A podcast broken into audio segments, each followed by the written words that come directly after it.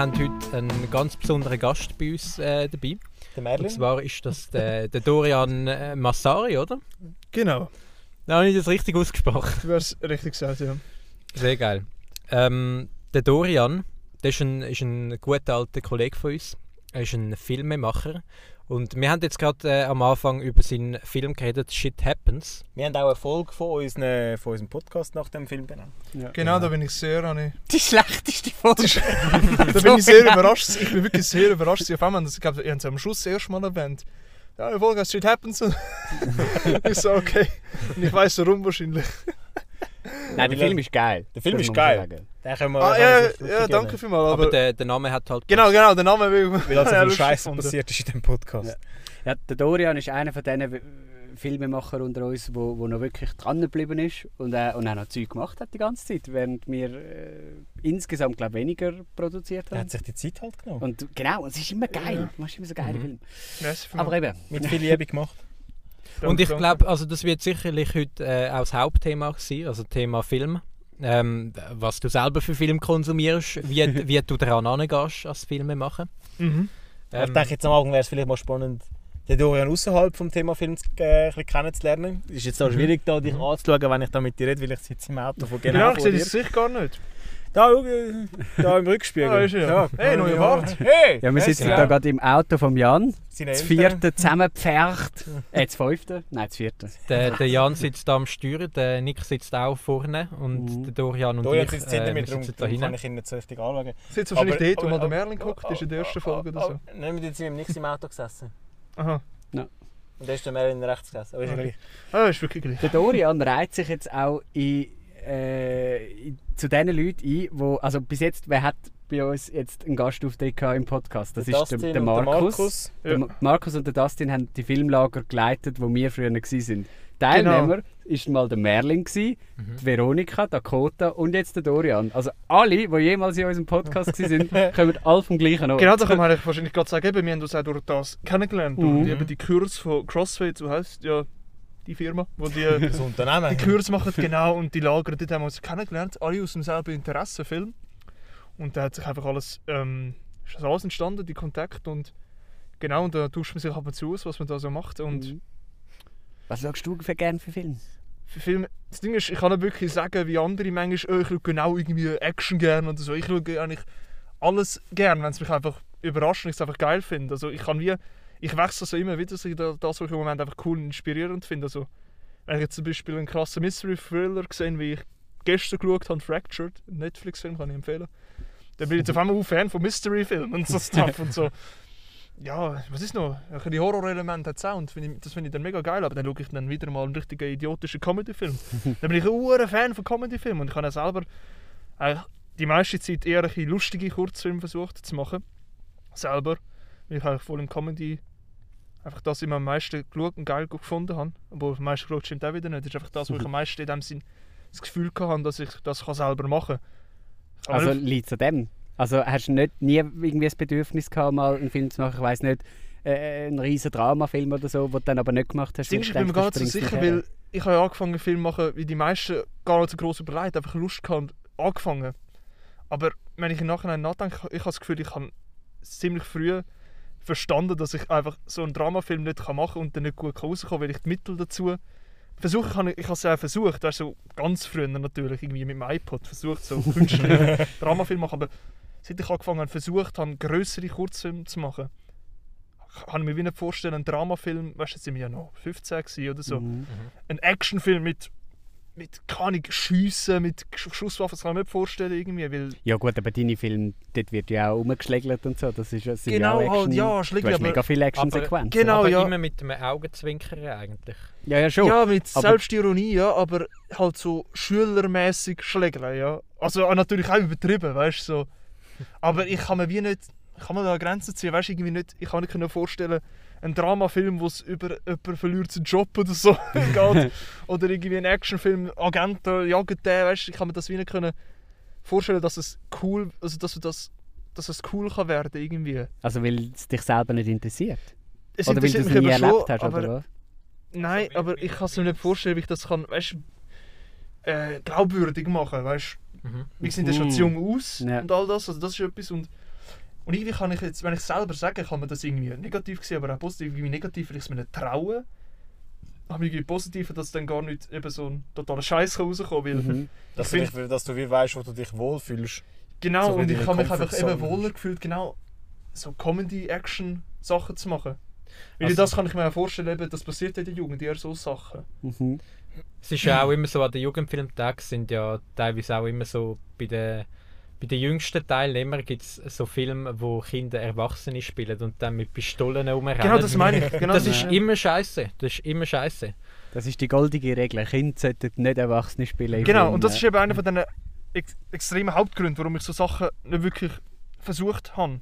Aber gut, ich meine, du kannst auch, ich meine auch ein 15-Jähriger kann jetzt irgendwie, ich weiß doch nicht, äh, seinen besten Freund verlieren, der irgendwie gestorben ist oder ich weiß doch nicht was, Ja, voll. auch etwas Kleines. Aber das musst du ja auch können glaubwürdig darstellen. Ja, Ja, aber das, das wäre ja eigentlich möglich, das stimmt schon. Kennst. Wenn du selber jemanden kennst, der das ein bisschen erlebt hat und ein bisschen weiss, wie man sich dann fühlt und was dann so vor sich geht.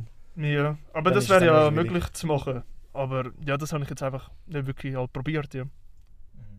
Sehr spannend.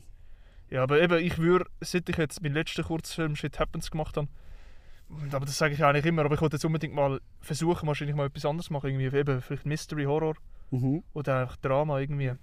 Hast du schon konkrete Ideen, die du daran schaffst, oder nicht?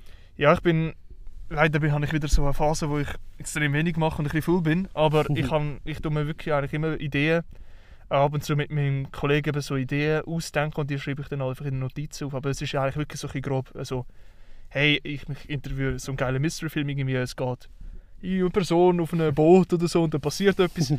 So simpel, sehr simpel aufgeschrieben, noch nicht ins Detail. Aber Mhm. da tue ich mir eigentlich gerne so ein paar Sachen aufschreiben. Aber so richtig anfangen wollte ich endlich mal wieder. Aber ja, im Moment ist jetzt halt Lehrling, äh, Abschlussprüfung, Stress und ja. Was machst denn du für eine Lehre, Dorian? Genau, was mache ich denn da eigentlich? Sagt du der Polygraph etwas? Polygraph. IFZ. Also, als ich das erst mal gehört habe, ich habe gedacht, das ist irgendetwas mit mechanisch oder so. Und es gibt tatsächlich einen Beruf, der heißt Polymechaniker. Und viele Mhm. Profi Polygraphen kennen Bauer das. WCs. nein, nein, die haben vor allem so mit Metall, also es ist eigentlich Schreiner mit Metall, also so habe ich es verstanden. Ich kenne eben einen Polymechaniker und der baut WCs. Okay, dann habe ich wahrscheinlich keine Ahnung. Auf jeden Fall ist es überhaupt Wo, das, es ein Polygraph macht.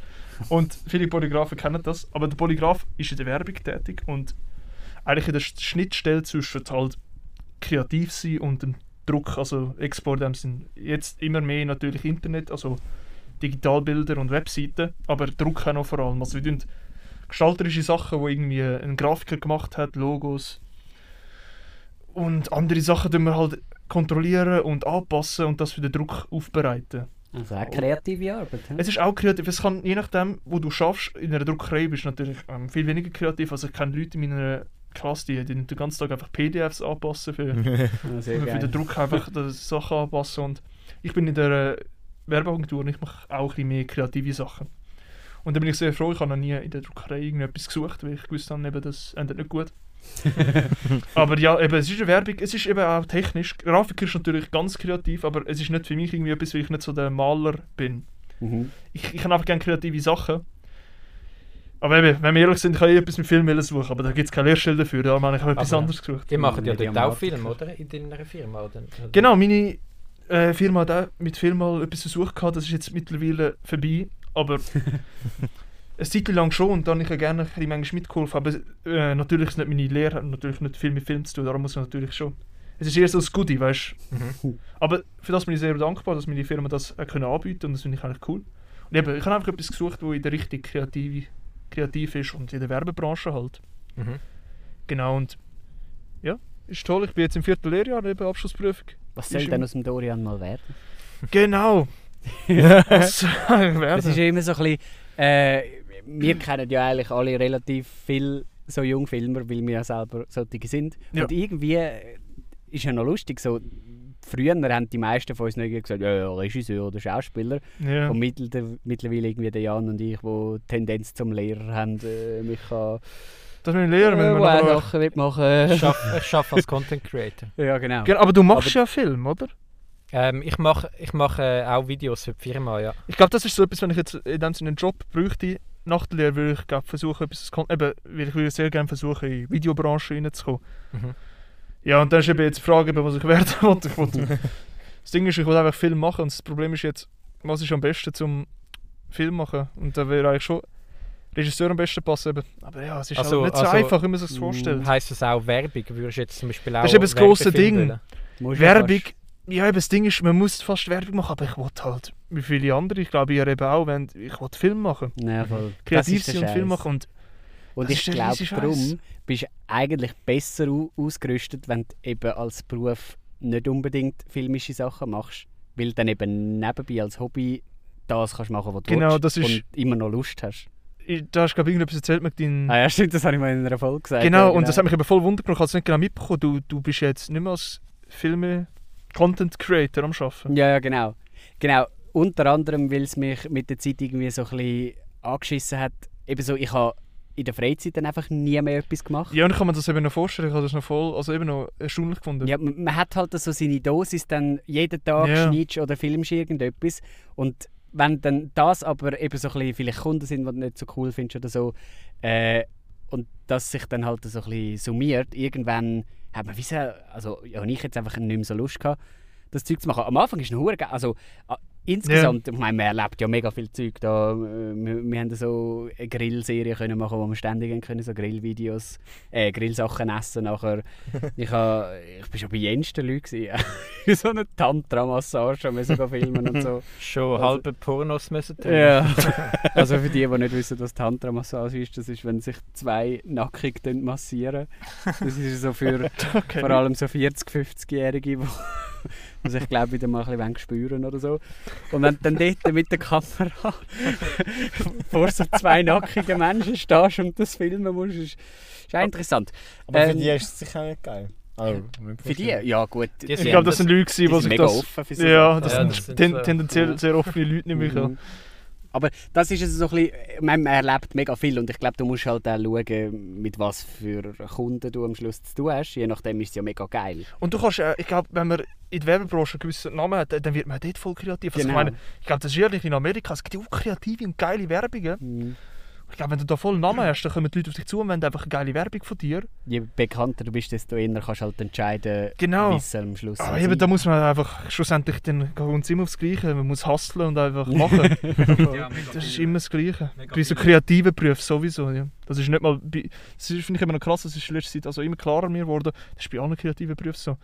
Es geht immer darum, um machen, um zeigen, was du drauf hast. Und Voll. bei allen kreativen Berufen eigentlich, also das habe ich gemerkt, die Grafiker bei uns in der Firma, die müssen seit dem Anfang in der Lehre müssen die anfangen, ihrem Dossier arbeiten, sozusagen, weißt, die müssen, weil am meisten wird dann schon bei der Jobsuche, so wie ich es mitbekomme, darauf geschaut, eben, wa- was können die, was machen die. Mhm. Du machst wie so ein Portfolio, wo du das machst, Genau. wo du sammelst, was du Und gemacht das hast. muss, eben im Film muss man das ja auch machen und ja, da müssen wir mal etwas machen, das Portfolio eigentlich. Die, die grossen also Filmregisseure, die kommen ja auch oft aus der Werbung. Also es kann ja auch ein Weg sein. Ja, es sozusagen. gibt eben ganz viele Wege und das ist irgendwie das Schöne und der Fluch gleichzeitig, nehme ich jetzt mal an, eben weil es halt so kompliziert ist und keinen richtigen Ja. Weg gibt, genau. Ja, voll. Es sind aber auch andere Zeiten gewesen. Also so ein bisschen die Ja, Regisseure, voll, die jetzt genau. gross sind, ich meine, die sind vielleicht vor 20 Jahren oder so in unserer Situation gewesen, vielleicht vor 30. Das Ja. war nochmal ganz eine andere Situation. Gewesen. Ja, und schlussendlich, ja, was es mir, nochmal zurückkommen, was es mir werden sollte, ich wollte einfach eben sicher mit Film zu tun haben und ich würde halt am liebsten gerne selber Film machen, aber natürlich der Weg dort an wird steinig sein natürlich. Und da muss ich eben zuerst schauen, was ich halt als erstes gerne versuchen, eben entweder zuerst irgendetwas schaffen, so ähnlich Content Creator mäßig Mhm. Versuche irgendwie sur Dossier in eine Filmschule zu kommen, weil ich habe kein äh, BMS oder so. Mhm. Und halt, wenn ich das brauche, muss ich irgendwie ein WMS nachholen. Also ist das ein Ziel, dass das gehst du studieren, Film? Ja, das ist eben das große Problem, ich weiß es nicht einmal. das ist eben. Ich, ich habe so schon das Gefühl, eben, es ist. Alle sagen, ja, es, es bringt viel, man lernt viel. Und aber das Wichtigste ist ja an der Filmschule, dass du. Ähm, Das Praktische. genau, das Praktische und du hast die. Mhm. Äh, wie sagen wir, bin ich jetzt blöd? Ähm, Connections. Genau, halt Connections und- die Utensilien, Filmutensilien, hast alles in dem Sinn. Voll, das ganze Material. Du musst es einfach, dort, das sagen ja alle grossen Regisseure, du, du in der Filmschule bist du dort, um wirklich Film machen. Und das ist eigentlich ein ganz simpler Satz und da muss man eigentlich immer wieder selber hören. Also ich muss es immer einfach machen. Es geht um, man muss machen schlussendlich. Es nützt Mhm. nichts, wenn theoretisch hat. Und schlussendlich, wo du jemand sieht, dass du geile Filme machst und dass du Problemlösung bist für diese ihre... Also sie wollen einen geilen Regisseur sozusagen. Also Voll. sie suchen irgendjemanden, der kann... Das ist halt auch ein riesiges Spielfeld. Also dort, äh, dort kannst du dann zeigen oder kannst herausfinden, was du kannst und wie du es am besten dorthin kommst und so. Genau, und ja, man Alles muss mal einfach irgendwann...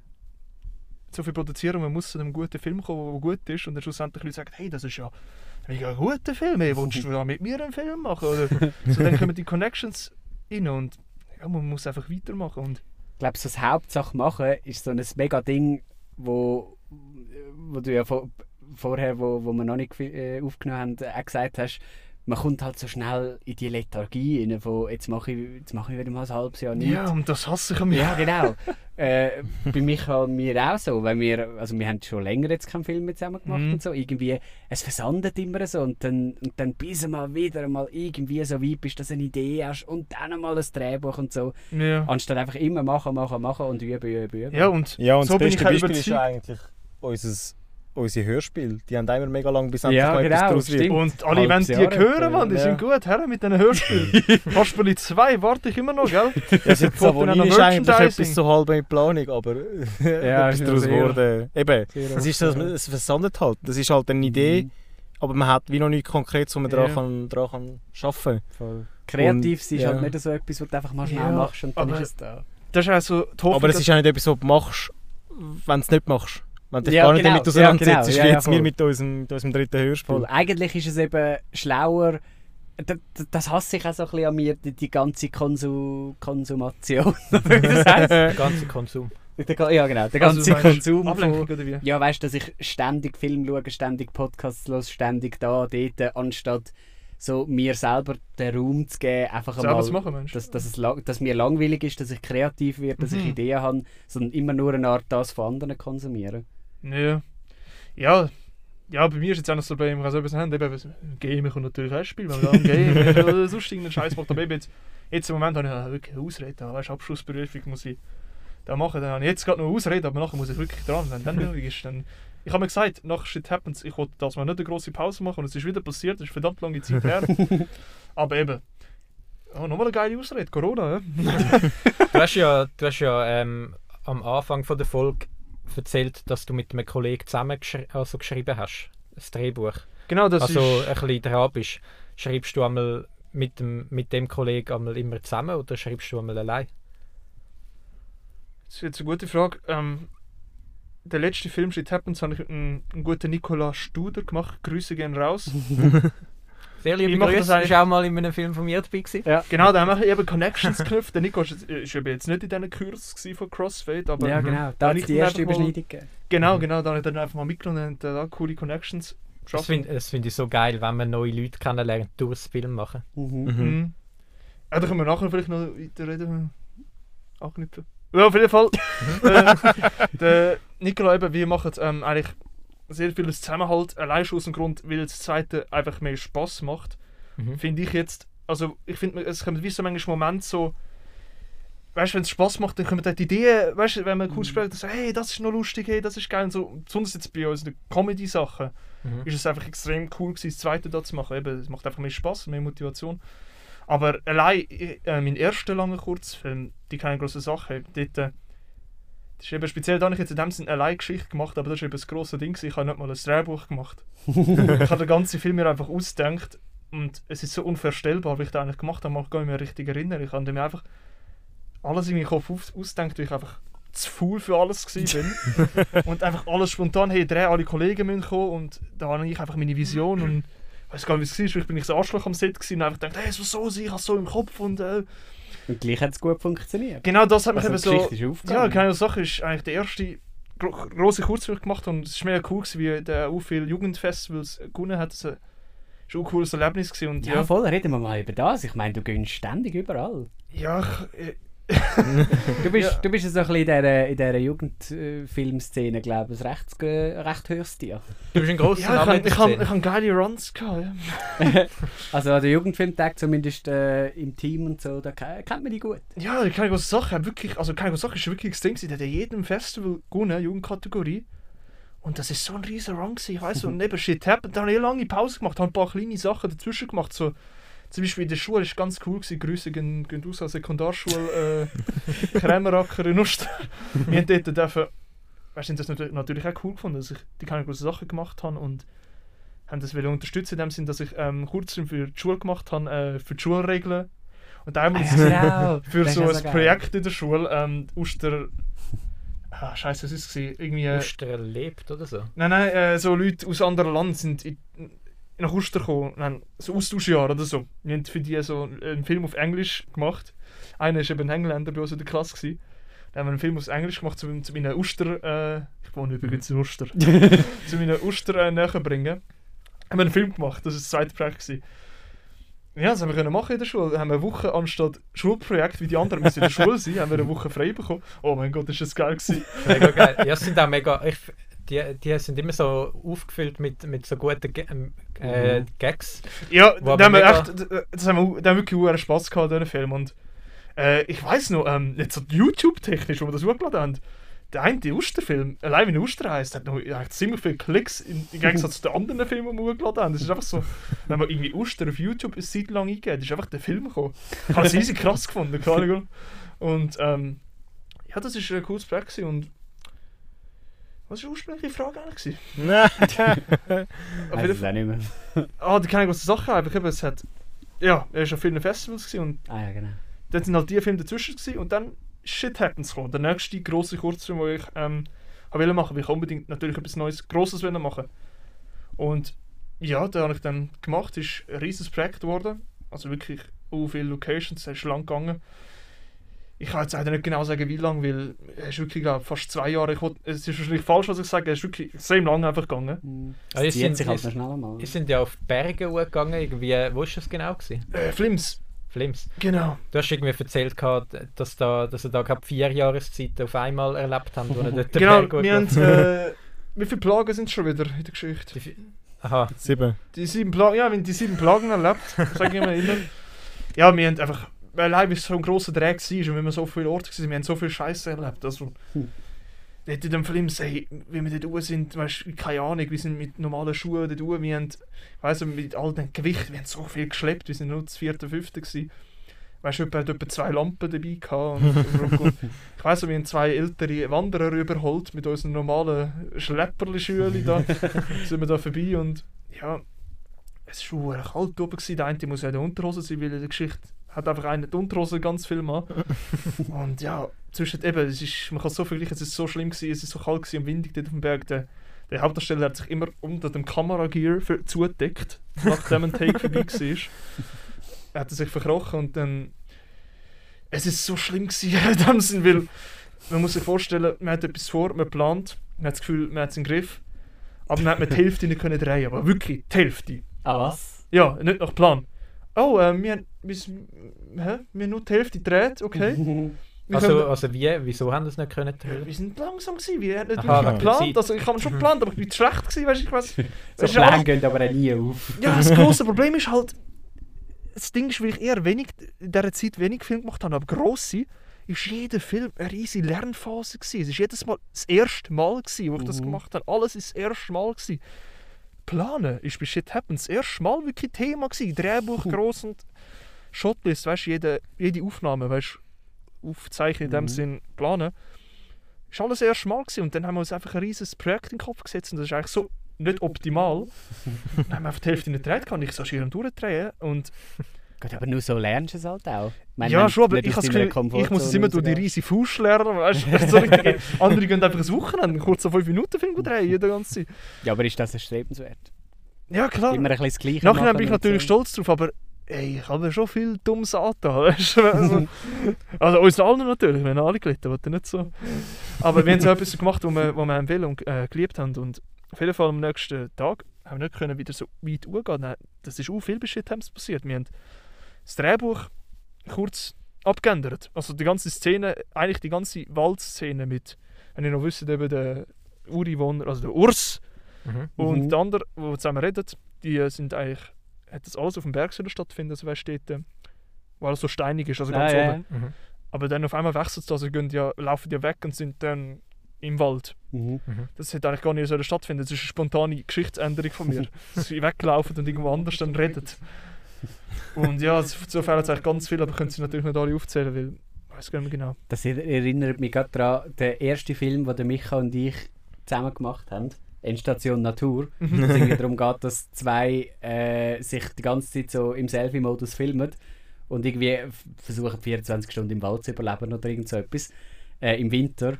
Und dort haben wir auch ein Drehbuch geschrieben. Ah, ja. Sind nachher in den Wald gegangen und haben das Drehbuch vergessen. und nachher sind wir in dem Wald gesehen und gefunden, jetzt können wir nicht wieder zurückgehen, weil ich habe irgendwie normale Turnschuhe angehabt, schon arschkalt und so. Äh, und dann, dann haben wir einfach gesagt, ja gut, dann improvisieren wir jetzt. Dann haben wir ganz viel improvisiert. So alles, was wir erzählen, das haben wir äh, frei erfunden dort im Mhm. Moment. Ich weiss noch, bei Innenstadt so einer Tour habe ich geil gefunden, eure Map, die ihr oben gemacht habt. Das Das, das habe ich aber kreativ gefunden, das finde ich sehr cool. da habe ich auch gedacht, Nick, wie, wie geil hast du das gemacht? Das sind so coole, coole Ideen. Also, das habe ich geil gefunden. Äh, du, du hast ja, ähm, was ich auch sehr solidarisch gefunden habe, du hast ja auch extra die Haare wachsen lassen, weil das der Ja, Hauptdarsteller hat müssen machen für den Film. Gut, solidarisch. Also, Das Ding ist, Ja, er hat so sel Ah ja, blöd, nein, genau. Solidarität Ah ja, so ist Genau. das gegangen. ähm, der eine hätte so eben so sollen sein, der im Wald überlebt, der hat ja lange Jahre, der hat extra das wachsen lassen, das ist der Nicola, der hat die Rolle gespielt. Und er hat dann gesagt, hey, wenn ich mir das Haar wachse, dann tust du sie auch wachsen lassen. Also ist eigentlich, ich bin erpresst worden eigentlich. also solidarisch bin ich schon gewesen, aber ja, dann habe ich auch wachsen lassen. Das Problem ist, ich kann mich einfach nie loslassen von diesen langen Haaren, also jetzt noch. Und der andere hat sie wieder abgeschnitten. Klar, ich habe sie jetzt ein bisschen auf der Seite geschnitten, aber ja, auf jeden Fall, ja, ich habe jetzt dann auch lange Haare gehabt, wo ich es gar nicht wirklich gebraucht hätte. Finde ich auch noch ein witziger Deal. Ja, ja das, ist, das ist speziell. Was ja. man nicht alles macht, um einen Film zu verwirklichen. Mhm. Ja, wirklich, wir haben, ja. ein, ein, ich glaube, ein, etwas, was noch erwähnungswert ist, was ich gerade erinnere, ist ähm, bei der Kampfszene, also dort alles haben müssen umschreiben.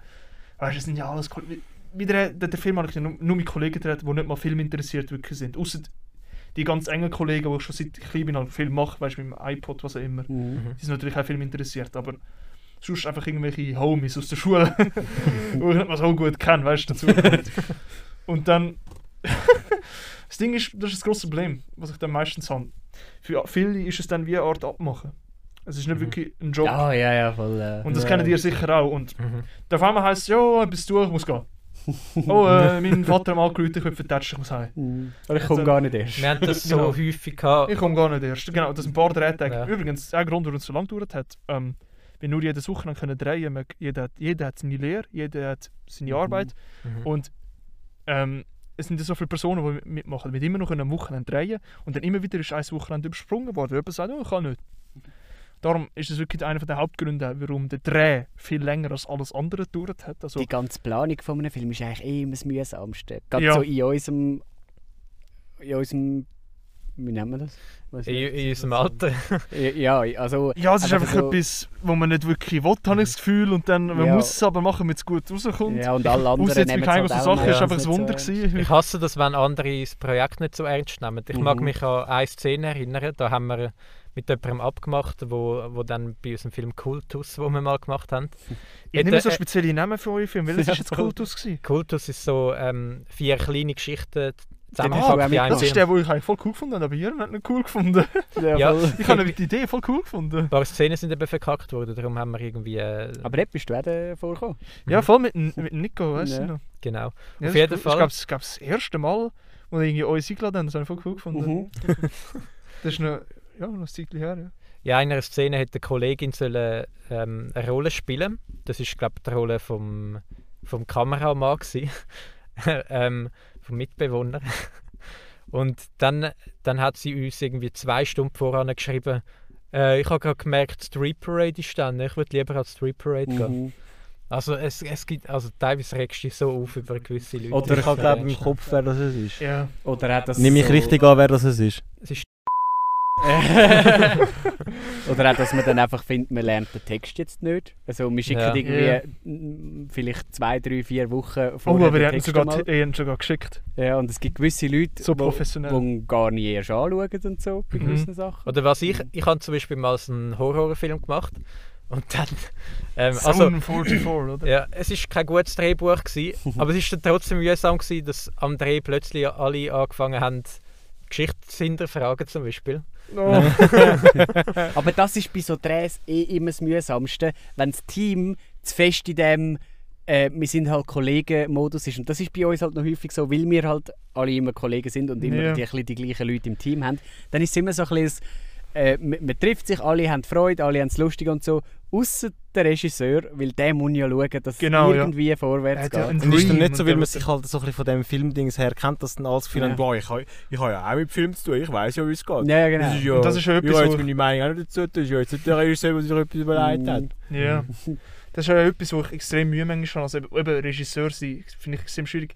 Man ist oft das Arschloch natürlich auf dem Set. Ja, Und- man ist immer so Arschloch. Genau. Ja, aber und- muss ja auch. Musst ja, aber manchmal, eben, ich habe wirklich oft wirklich Ärger, weil ich keine großen Sachen kann shit habe. Das ist wirklich schon crazy. Und Man muss halt immer so die Gratwanderung finden zwischen, hey, die machen das alle freiwillig, wir sind alles Kollegen, ich Ja. will cool drauf sein, aber gleichzeitig, ich muss in drei Stunden die Szene durchhaben. Und Genau. jetzt können wir bitte mal es, anfangen. man muss klar So. langsam trennen von Ja. Arbeit und Spaß. Es sollte ja Spaß sein, aber Ja, es muss als Arbeit betrachtet werden. Und ich, Es ist so schwierig. das ist jetzt der Punkt, den ich unbedingt halt im nächsten Filmprojekt wirklich ändern.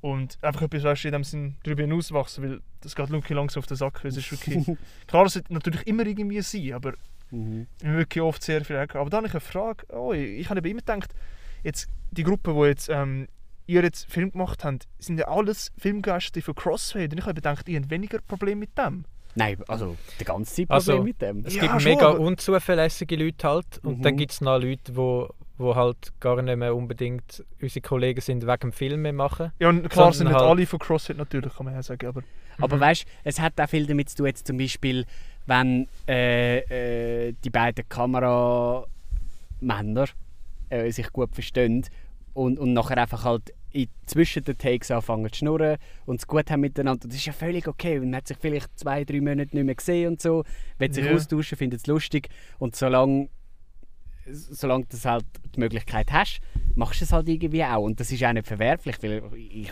ich bin mich als im Dreh habe ich auch gerne mit allen geschnurrt und so.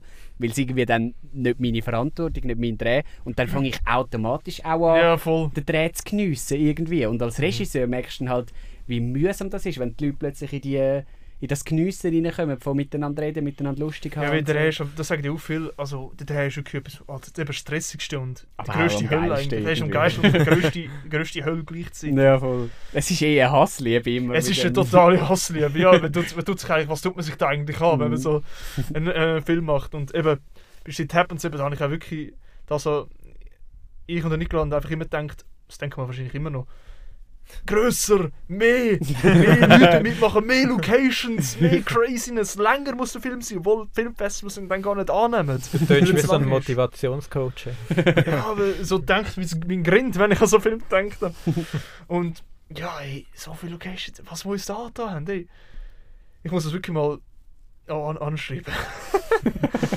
das ist ein Film für sich, aber ja. Aber eben, der- also der Film, über den wir da gerade reden, Shit Happens, den kann man noch nicht auf YouTube schauen. Genau, ich würde Aber die irgendwann kleine große. Sache schon, Da oder? kann man schon schauen, ja. Ja, kleine große Sachen, Shit Happens sind im Moment meine Goldbabys. Das, sind so. Wo Ja. kann man denn das Zeug schauen, Dorian? Das ist ein YouTube-Kanal, der heißt Dorian Massari. Er hat mal kompliziert geheißen, MDT-Film, aber ich dachte, yo, ich bin nicht so ein cooler YouTuber, der da so ein geiles Ding braucht. Ich, ich muss einfach ein jetzt, ah, Werbung für mich machen. Und dann ich einfach meinen Namen drauf. Weil, kann ich, das Gefühl, ich habe denken irgendwie alle so, man muss irgendwie eine Firma haben oder so. Ich, kann ich, das ist auch so ein Ding für sich. Und ich dachte, ich muss MDT-Film heißen. Aber ja, es interessiert mich gar nicht mehr. Ich nenne mich jetzt einfach Dorian Massari und ja. Einfach zum Merken. ja, genau. Das ist, eigentlich ganz drauf, was drin ist. genau. genau. Ja, einfach durch muss sagen, dass es kommen. Ja, dann kann man das Zeug schauen. Sehr geil. Shit Happens ist leider noch nicht drauf. Ich muss es endlich drauf tun. Kommt noch eine Vollversion, Dorian Cut. Wann denn? Das ist eben das große Problem. Ich- Ich muss es noch machen. Du hast gar nicht erst angefangen. Das Ding ist, ich bin noch hoher Stress mit den Jugendfilmtag, um das fertig zu schneiden. Mhm. Und ich habe 30 Minuten Version, also ich habe das Ganze geschnitten, Rohschnitt. Das ist die ganze Version. Aber dann vertont und die ganze, die ganze Rest bearbeitet habe ich dann nur in dem Sinn die kurze Version. Mhm. Ich muss nicht all das noch mit der langen Version machen, aber der Rough Cut hätte ich. Aber Man muss da dafür wissen, bei den Jugendfilmtagen ist die Zeitlänge, wo man Film darf einschicken 20 Minuten. genau, und, ist gewisse 30 Filmfestivals auch 15 Minuten. Und eben, Ja, das ist mega mühsam. das ist auch ein Grund, warum ich als nächstes unbedingt einen 15 Minuten Film machen Damit ich endlich mal an vielen Orten kann einschicken kann. Und hoffentlich ist dann Corona vorbei, weil es hat auch wie da, dass Jugendfilmtag online stattgefunden hat. Ja, das ist meine voll. Meinung. Online-Festival ist nicht mein Ding. Ich will gerne Leinwand haben. Ja, ich habe es schrecklich gefunden. Also schade halt einfach, einfach weil Ja, das ist schon krass. ich habe unbedingt meinen Film auf Jahre der Leinwand gesehen und das. Filmfestival ist das dann möglich gewesen. Habe ich auch geil gefunden.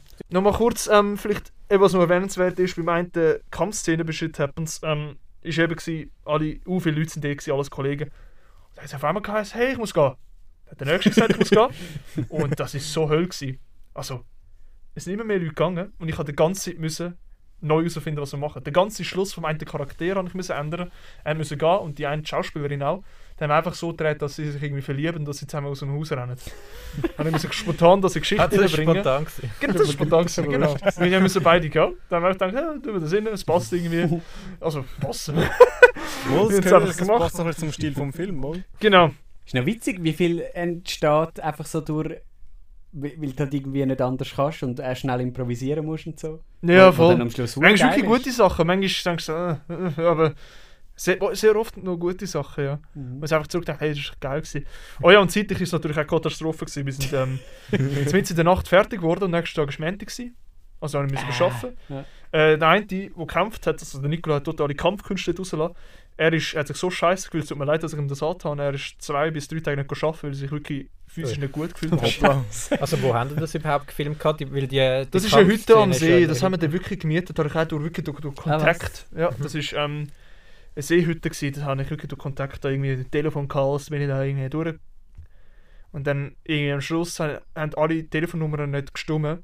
Dann habe ich irgendwie, glaube Veronika gefragt, wie sie irgendwie dort ihre Geburtstagsparty hatte, Geburtstagsparty. Mhm. Habe ich irgendwie dort gefragt und sie hat gesagt, ja, das ist die Person.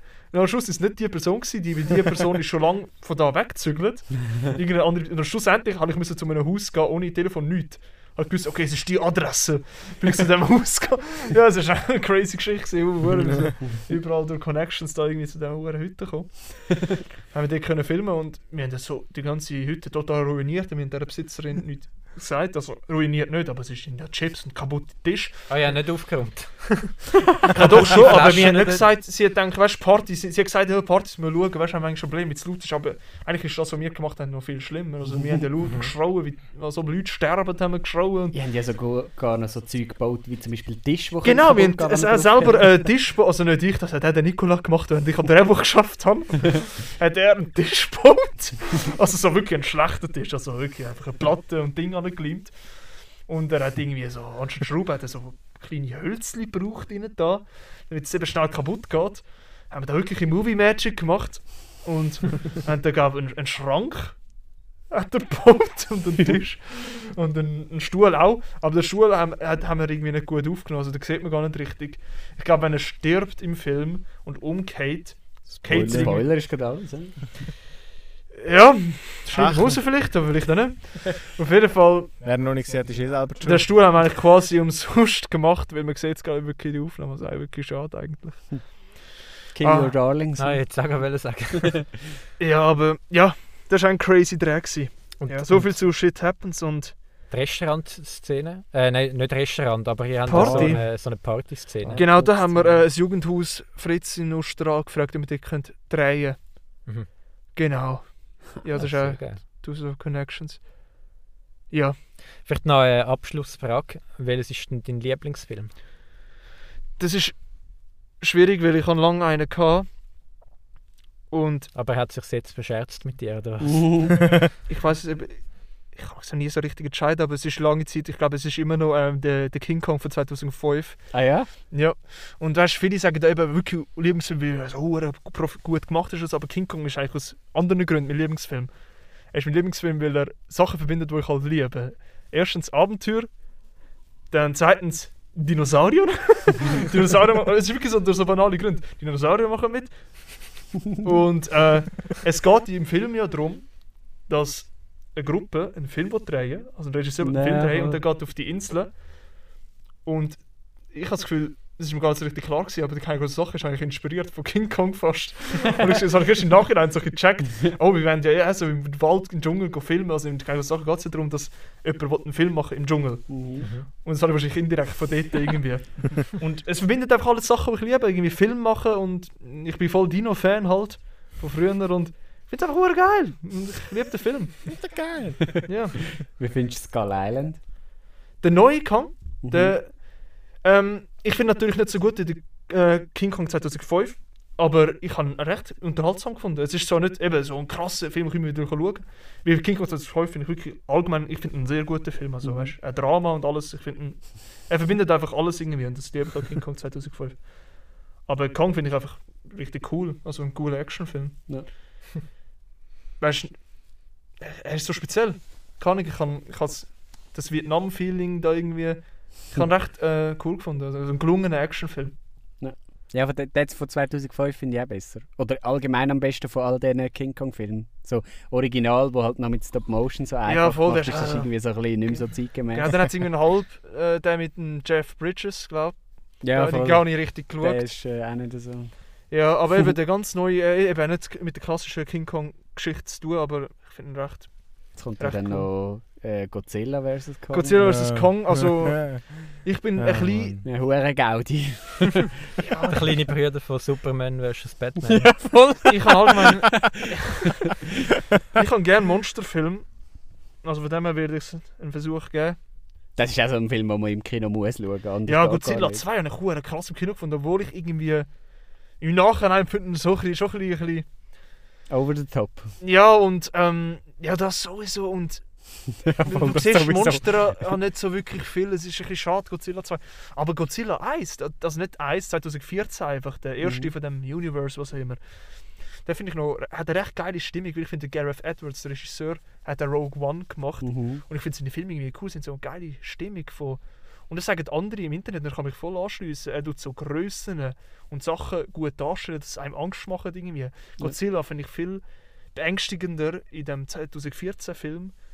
Und auch ja, Rogue One finde ich sehr geil gemacht, weil er da mit Grössen schafft, mit diesen Raumschiff und äh, Panzer und so. finde ich, er macht da noch coole Sachen. Ja. Naja, über Rogue One kann man halten, was man will.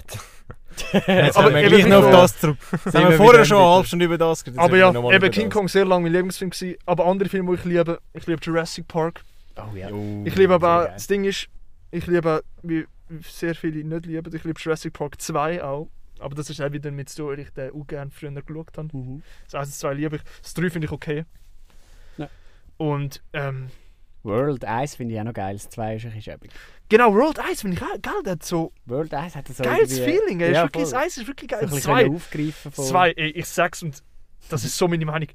2 ist die Intro-Sequenz so geil. Wenn der Film anfängt, 2, es ist so spannend in dem Regen, es ist richtig geile Stimmung. Es ist wie, es ist richtig geil, weißt du, am Anfang ist es so richtig gruselig, weißt du, sie sind auf der Insel. Ah, Und die Tür- Er Oh, startet sehr so geil, gut, ja, der ja. Film. Er startet so gut. Ich so, oh yes, Jurassic Park is back, baby. Doch dann ist der Rest vom Film da und ich so, jo, mich juckt das nicht, Mann. warum, warum, was soll der Scheiß mit diesen... Ich, weißt du, ich als Dinosaurier-Fan ist das eine Sünde, Mann. Indoraptor, was soll das? Das sind keine Dinosaurier, das sind scheiß Hybride, das interessiert mich nicht. Aber ich finde, im Jurassic World 1 haben sie es halt irgendwie noch gruselig und spannend gemacht mit dem Indominus Rex, so wie der geheißen hat. Voll. Mega Aber in schön. zwei ist- irgendwie. ja. Nein. Ja, World Jetzt hoffe ich im ja World gut 3, gefunden, das da kommen ich ja alle alten Schauspieler zurück, das finde ich noch geil. Mal schauen, wie das wird.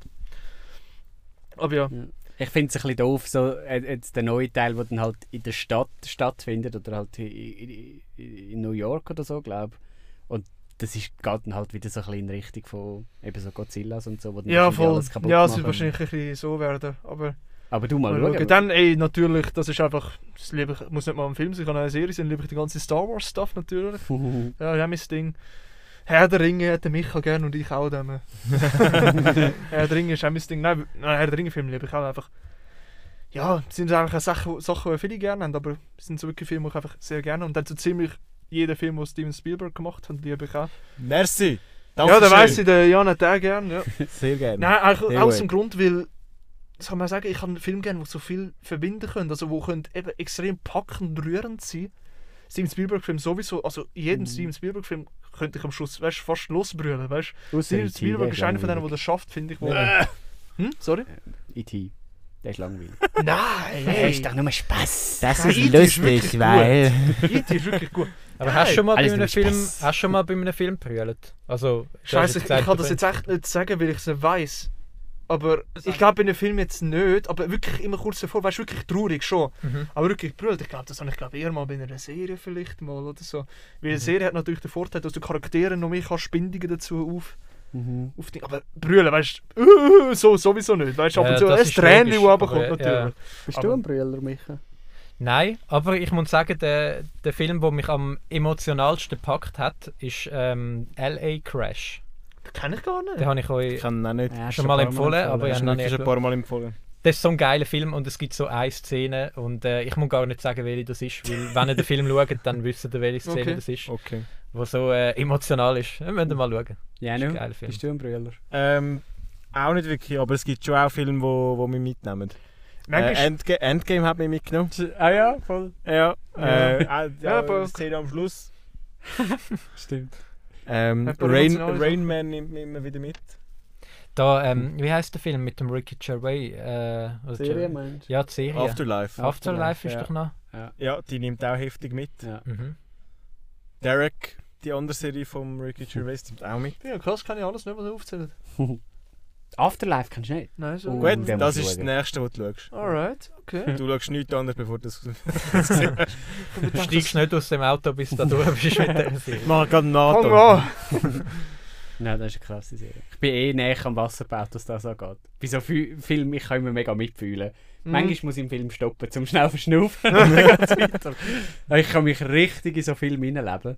Das finde ich so geil. Ja, ich kann auch recht, also meinst du jetzt allgemein so mega, wow, so mit, voll im Film drin Ja, sein, eben, Das wenn- habe ich wenn allein schon gestern gehabt, bei, bei Fractured habe ich das schon gehabt. Oh, Ja, gut, ja, das ja. ist ja, ja. Es gibt gibt, auch auch, so ein, es gibt mega ja. viele Serien, die es schaffen, ähm, bei mir jetzt, dass ich irgendwie, wenn ich auf der Leinwand bei uns daheim, das ist eine kleine Leinwand, an, an, der Kante vom Sofa sitze. Aha, Weißt du, wo ich wo so mit- mitgehst. Ja. Äh, das letzte Mal war das gewesen, bei Peaky Blinders, zweite Episode von der fünften Staffel. ja, es ist die letzte Episode, die ich gesehen habe. Logisch weiss ich, wie die Nummer das ist. Äh, Gibt es eine Minute Szene, 24. gibt's, äh, gibt's eine Szene, wo, wo, wo wirklich krass spannend ist. Es gibt ein Okay. Ja, ja viel mehr gibt es nicht dazu zu sagen. Es gibt einen, Das einen. Film. Aber wie hast du denn jetzt, also wie hat sich gezeigt bei dir? Eben, ich bin an der Kante vom Sofa gesessen und dachte, oh, was passiert Aha. jetzt? Kennt ihr ähm, den Karl? Das ist so ein geiler Film. Den haben wir auch zusammen geschaut. Der mit, Ja, mir sagt ähm, wie heisst sie? Mit der Halle Berry. Ja. Den haben wir in Savonin Wo- geschaut. Ja, aber also dort habe ich das zweite Mal geschaut in Savonin. Wo ich das erste Mal Haben wir die allein... geschaut, wo wir mit der Docke waren. Ja. Mhm. Aha. Ja, das Wo ich den- ich habe ich habe dir glaub, ich habe geschaut und habe dir nachher geschrieben, dass ich den Schluss nicht gut gefunden habe. Oh, das weiß ich nicht mehr. Ich habe den Ja, Schluss doch. mega gut gefunden. Ich habe den Schluss mega scheiße gefunden. Aber dort, ich habe beim Schluss, also dort habe ich äh, fast müssen spulen, das ist so spannend gewesen. Ich habe es nicht mehr ausgehalten. Ich habe so auf einem Mini-Fernsehen, wo eigentlich ins Auto gehört, so auf dem WC geschaut habe im Badzimmer. Und es ist so spannend gewesen. Ich habe so gedacht, ah! Schaut äh, den Karl, wenn ihr den noch nicht gesehen habt, das ist Ja, echt geil. Das Ich sind kann- so coole Filme, wo man aber halt nur einmal kann schauen kann und nachher ist halt die, die Magie weg, dass man halt so mega mitfiebert, weil dann ist es irgendwie, so Shutter Island zum Beispiel, schaut man dann mit einem ganz anderen Auge, weil es halt irgendwie dann nachher einfach klar ist, wie wo was. Mhm. Was der Twist ist. Dann habe ich noch Tom Hanks, wie cooler Schauspieler, ich sehe sehr viele Filme mit ihm gern. Green Mile finde ich nicht gesehen. Nein, immer noch Einer von- Auch einer von den Top-Filmen. Dort schreckt mich halt Forrest immer die Gump, wo Länge glaub, ab. Forrest Gump liebe ich auch. Forrest Gump ist gut, ja. Und Ja. äh, der mit der Insel hast du auch gesehen. Ah ja, Ähm, Castaway, klar. Castaway. Der ist auch super. Ja. Voll. Der neueste, Ja. der auf Netflix gekommen ist. Ja, das habe ich gesehen, aber ja, finde ich jetzt, ist okay, ist gut gewesen, aber ist nicht einer, weißt du, von diesen Top, Ja, voll. Top. Musketier da. Ja. Man nimmt nicht so viel mit. Tom Ja, Hanks Film, schon da. Tom Aber Hanks der- Film ist Catch Me If You Can ganz weit oben. Da habe ich erst gerade im Fall Ja. letztes das erste Mal gesehen. im Was? Fall. Ja, das ist einer, den ich verpasst habe, aber ich habe ihn mega gut gefunden. Ja, Das ist auch ein Spielberg-Film, wenn ich es richtig im ja, ja das ist habe. ein Spielberg-Film. Ja, Ja, das ist ein Ah, Spielberg-Film. gut. Mit dem DiCaprio und Dann, ey, Kann ich mega Film. empfehlen. Ich, ich, ich kann äh, eben noch gerne Kriegsdramen. Also, also, äh, und ich bin eigentlich nicht wirklich ein Ross, also Pferdefan, aber sorry, Warhorse ist schon hure gut gewesen. Müsst ihr schauen. Nein, nein, Das ist von Kann- Steven Spielberg. Kennst du Full Nein, Met nicht gesehen. Metal Warhorse ist Jacket? wirklich mega gut. Was? Ich glaube, das spricht man so aus. Full Metal Jacket. Nein. Ah, nein, Das ist ein geiler mal Film. schauen. Das ist ein geiler der, Krieg, ja, das ist Es ein gibt so viele Kubrick-Film, Filme. ja. Es gibt einfach so viele Filme, die ich noch nicht gesehen habe. Ja, ich bin vor echt äh, langsam eine Liste, also eine Liste für, äh, weißt du, bei allen Streaming-Services habe ich eine riesige Liste gemacht bei Filmen, die ich noch schauen Ja, das hilft im Fall nicht. Ich habe auch eine riesen Liste und ich habe bis jetzt noch nie etwas dieser Nein, ich, bin schon ein bisschen aktiv dran, aber es gibt eben so viele Sachen. Wo, Dann- wo hast du überall deine, deine Abonnements? Äh, Netflix, aber äh, geiert von einem Kollegen. Von einem Kollegen. Disney äh, Plus habe ich selber. Passwörter kannst du jetzt dann nicht mehr teilen bei Netflix. Mhm. Geht jetzt dann nicht mehr. Was, was, wenn? Netflix tut äh, irgendwann. Nein. Doch. Dann habe ich kein Netflix mehr. wenn? Wenn du nicht im gleichen Haushalt wohnst, kannst du es nicht mehr teilen. An Gruppenaccounts. Und wann passiert Doch, das das? schon, das schon. Gruppenaccounts schon. Aber wenn du jetzt zum jetzt Beispiel irgendwann. alleine einen Also ich Account hast. Aha, das habe ich ja nicht. Wenn ich bis jetzt immer beim, beim Nick geschaut, auf seinem Account geschaut hätte, könnte ich das irgendwie in den nächsten paar, paar Tagen nicht mehr. Wie wollen sie das regeln mit so IP? Also tun sie die Wie IP-Adresse machen. irgendwie verfolgen? Brauchen sie oder? Geld Wie oder das wie? es machen, weiß ich nicht. können, glaube ich, zu dir her schauen. Aber dann haben wir noch, ähm, Das ist ganz habe ich noch von einem Kollegen habe ich Sky, also Sky Show.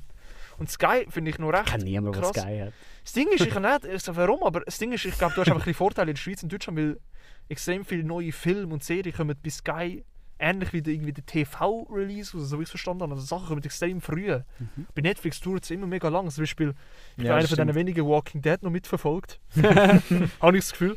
Ich finde die Serie voll cool und ähm, irgendwie dort braucht es mega lang, bis die neue Staffel bei Netflix ist. Und bei Sky, die haben irgendwie einen Deal dort. Weißt du, du viele Deals eben, ähm, von, ich weiß nicht, AMC, ich weiß nicht, all die Firmen und die- dort tun sie es mega schnell veröffentlichen, wenn die neue Folgen im Fernsehen rauskommen.